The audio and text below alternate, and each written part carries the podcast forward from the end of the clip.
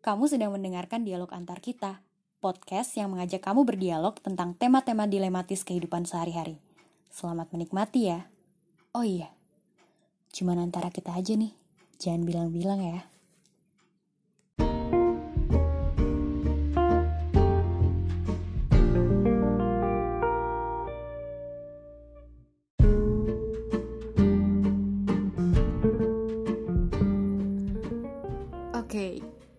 Sebelum memulai podcast ini, gue akan bikin semacam disclaimer dulu bahwa topik hari ini bisa jadi topik yang cukup sensitif dan kontroversial.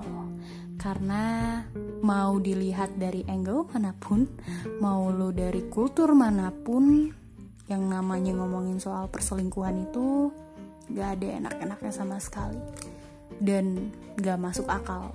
Apalagi kalau lu jadi pihak yang sedang terjerat di dalamnya. Tapi di detik ini ketika gue rekam podcast ini di dunia maya Indonesia sebenarnya lagi rame banget ngomongin soal postingan seorang istri yang mengaku hubungannya dia itu pernikahannya baru sebentar tapi akhirnya berakhir sama suaminya karena sebuah perselingkuhan. Di satu sisi, ada juga postingan seorang perempuan yang menceritakan atau meng-highlight kehidupan dia sebagai seorang selingkuhan dari seorang suami orang. Gitu. Dibayarin, dibeli-beliin branded barang-barang branded gitu. Akhirnya karena super um, kritis dan pandai banget netizen kita ini mereka pun cocokologi dan kayak men yang satu ngomongin soal sakitnya diselingkuhin sampai akhirnya lu cerai satu lagi ngomongin soal um, asiknya dalam tanda kutip berselingkuh atau asliknya jadi selingkuhan orang gitu. Nah menurut gue kayak wah this quite interesting actually gitu kan.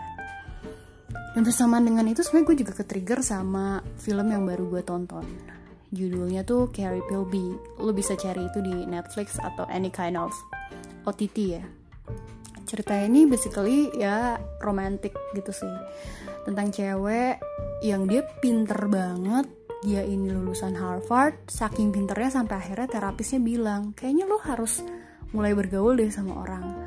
Akhirnya dia um, dikasih kayak semacam bucket list gitu sama terapisnya untuk kayak lu harus complete the bucket list supaya lu bisa lebih happy gitu kan. Salah satunya adalah untuk cari teman kencan.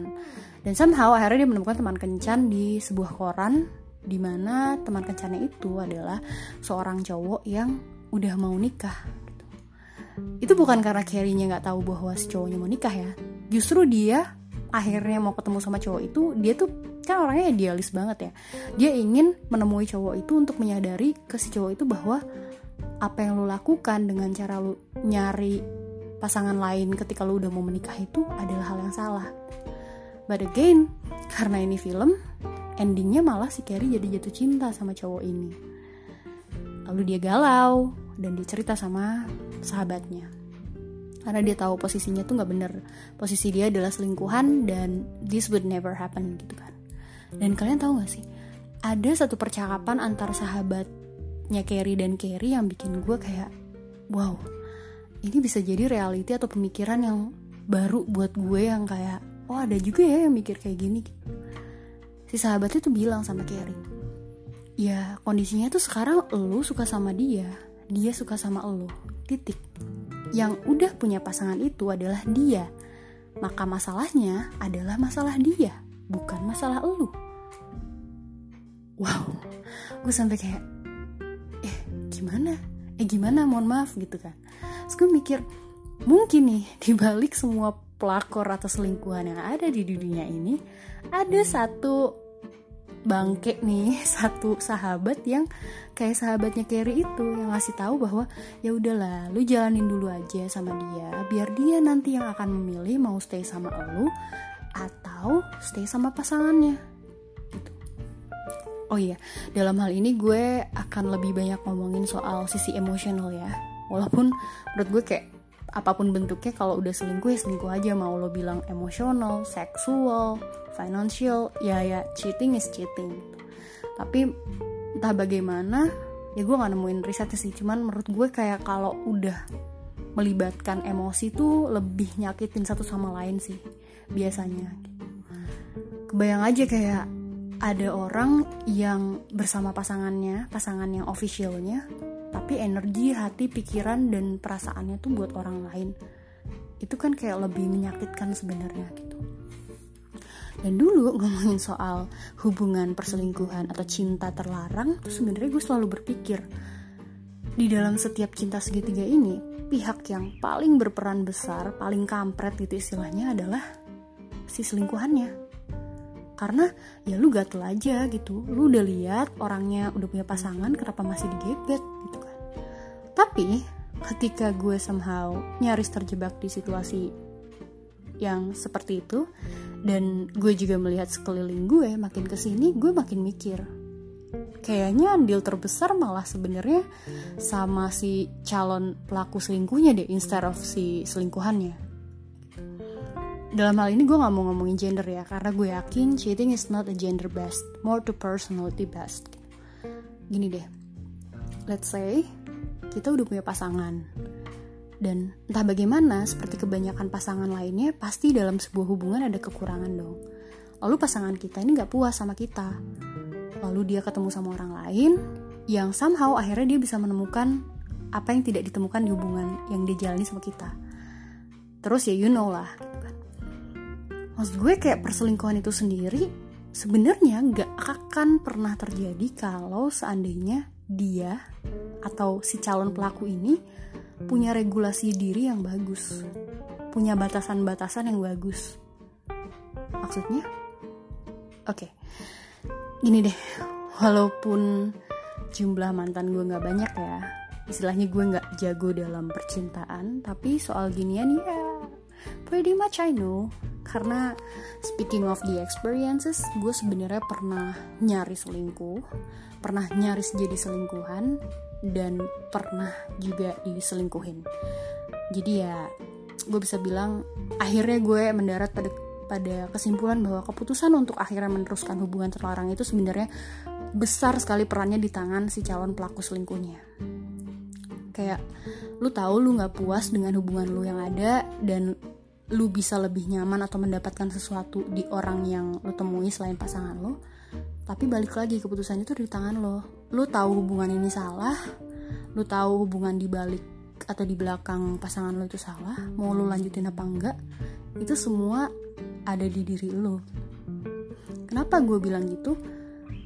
Dulu gue bilang gue nyaris selingkuh dan nyaris jadi selingkuhan karena waktu itu walaupun gue merasa kayak ah bodoh amat lah. Orang bilang apa yang penting gue happy sama dia dan dia juga kayaknya satisfied aja sama gue gitu. Ya udah hubungannya hubungan kita aja. Tapi gue malah jadi mikir gue nanya sih ke diri gue sendiri. Pertama pada saat gue in terms of gue yang selingkuh ya gue bertanya ke diri gue um, ya kalau seandainya nih gue selingkuh nih gara-gara gue ada masalah sama pasangan gue atau ada kekurangan dalam hubungan gue kenapa sih nggak gue utarain aja? Toh kalau emang udah mentok banget dan gak nemu solusi ya udah udahan aja. Dan kalau emang misalnya si selingkuhan kita ini emang lebih cocok sama kita dan eventually kayak kita akan bareng sama dia juga pada saat kita putus atau udahan hubungannya kita bisa sama dia gitu kan. Gak harus menjalani dua hubungan dalam satu waktu gitu. Dan kayaknya gue juga mikir pada saat itu mungkin hubungan yang gue jalani sama pihak ketiga itu lebih ke hubungan yang thrilling. Lo tau kan perasaan saat lo mau curi-curi melakukan sesuatu kayak misalnya lo mau bolos bimbel saat lo masih sekolah padahal sebenarnya lo bisa izin aja sama guru lo atau saat lo mau nyelundupin popcorn ke bioskop oh my god. Gue kangen juga ya nonton bioskop.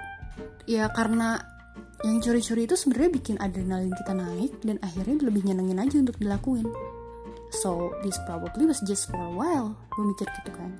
Kedua pada saat gue yang nyaris mau jadi selingkuhan nih padahal kondisinya pada saat itu kayak ya komplit aja kayak satu sama lain tuh udah bisa menyempurnakan gitu kan.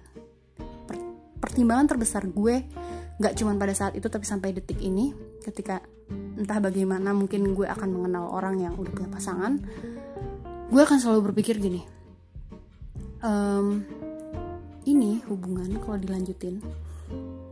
Dan kalau sampai bener-bener orang itu jadi stay sama kita dan ninggalin pasangannya apakah ini menjamin ini nggak akan terjadi lagi di masa depannya? Maksudnya gini dia aja detik ini bisa ngelakuin itu ke pasangannya yang udah pada saat itu kondisinya dia mau mau nikah. Yang udah istilahnya udah mau dia tambatkan lah hatinya gitu what if ketika dia memang beneran jadi sama kita terus akhirnya hubungan kita entah bagaimana ada kekurangan terus dia menemukannya dengan orang lain gimana kalau itu terjadi sama kita? Dia ninggalin kita untuk orang lain. Itu kan? Apakah nggak menutup kemungkinan itu akan terjadi juga? So what's the point of keeping the thrill? Akhirnya gue mikir gitu. And then you can see right? Sebenarnya keputusannya tuh ada di calon pelakunya juga gitu mau lanjut apa enggak.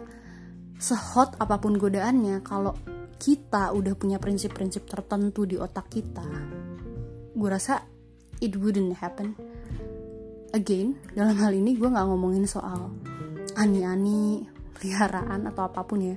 Karena itu udah menyangkut financial things lah kebutuhan kebutuhan ekonomi. Walaupun menurut gue juga kalau ngomongin soal polisi moral ya anything apa pun yang kayak hubungannya menyelundup diam-diam apalagi perselingkuhan yang udah di fase pernikahan itu menurut gue nggak bener sih gitu.